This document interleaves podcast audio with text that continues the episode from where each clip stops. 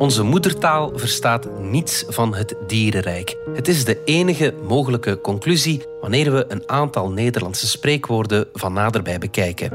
Kip lekker, de dieren zitten vol botmisvormingen en andere kwaaltjes. Als een vis in het water.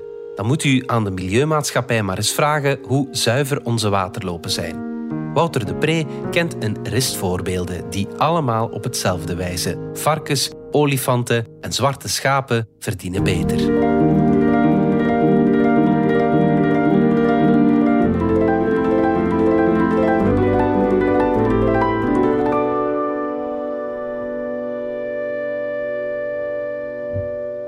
Voor een campagne vragen Herman Brusselmans en Gaia een betere behandeling van de goedkope vleeskip in ons land. De dieren worden in erbarmelijke omstandigheden gekweekt. Ze lijden aan botmisvormingen, kreupelheid, borstblaren, brandwonden aan de voetzolen en buikzucht.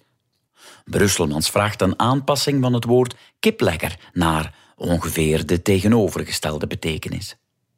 Prompt begon ik andere spreekwoorden en uitdrukkingen met dieren te overlopen. Ik voel me als een vis in het water, zal de eerste vogel voor de kat zijn.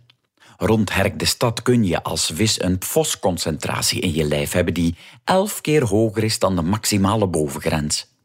En hoewel de waterkwaliteit van de Vlaamse rivieren beter wordt, heeft bijna de helft van de mannelijke blankvoornen eicellen in zijn testis. Ik voel me als een vis in het water duidt dus niet op een gevoel van gemak en naturel, maar eerder op een geslachtelijk heel verwarrende toestand.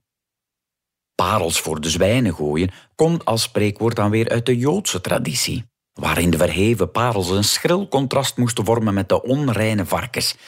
Maar varkens zijn net heel hygiënische dieren, al zindelijk van op jonge leeftijd.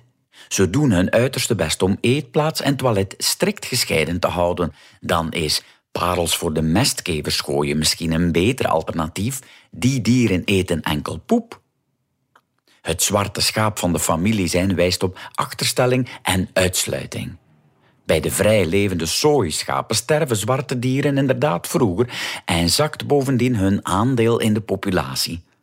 Nochtans hebben de dieren met zwarte vacht daar wel het voordeel van een groter geboortegewicht. Met hun zwaardere lichaamsbouw komen de zwarte rammen makkelijker aan paren toe. Helaas doen bepaalde nadelige genen die samen voorkomen met de genen voor zwarte vacht die gezondheidsvoordelen teniet. Als je het zwarte schaap bent bij de sooischapen, is het je genetica die moeilijk doet, niet je medeschaap. En sommige dierenuitdrukkingen sporen regelrecht aan tot gedrag dat schadelijk is voor het dier in kwestie. Met dat varkentje zullen we wel even wassen, geef je aan dat je in actie wilt schieten en snel goed werk wilt leveren. Maar vergeet niet dat een varken zichzelf in de modder wentelt om een beschermlaagje op zijn huid te voorzien tegen zonnebrand. Ook schuurt een varken zijn modderlaagje er nadien af om insecten en luizen te doden. Dat varkentje wast zichzelf dus wel. Doe jij ondertussen maar iets anders met je geweldige dadendrang. Dat gegeven paard kijk je absoluut maar beter in de bek. Het paardengebit laat je best twee keer per jaar controleren, zeggen gespecialiseerde websites.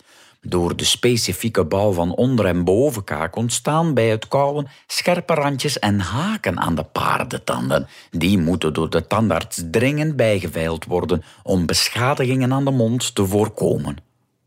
En kunnen we onbelangrijke onderwerpen wel koetjes en kalfjes blijven noemen? De kweekprogramma's om veel mager en mals vlees per koe te produceren leiden tot het Belgische wit-blauw ras de koeien daarvan kunnen tot maar liefst 900 kilo wegen. Probleemloos is dat naar verluid niet. De kalveren moeten bijna altijd via keizersnede geboren worden omdat ze te groot zijn voor het kleine bekken. Een te grote tong, stijfheid van de ledematen, onderontwikkeld hart en longen en vruchtbaarheidsproblemen zijn andere gevolgen. En met een afname van 90% van de populatie olifanten in de laatste 100 jaar, lijkt het sterk dat er plots een olifant in de kamer zou staan. Laat staan dat er niet over gepraat zou worden. Misschien kunnen we die olifant in het spreekwoord vervangen door een Belgische dikbil.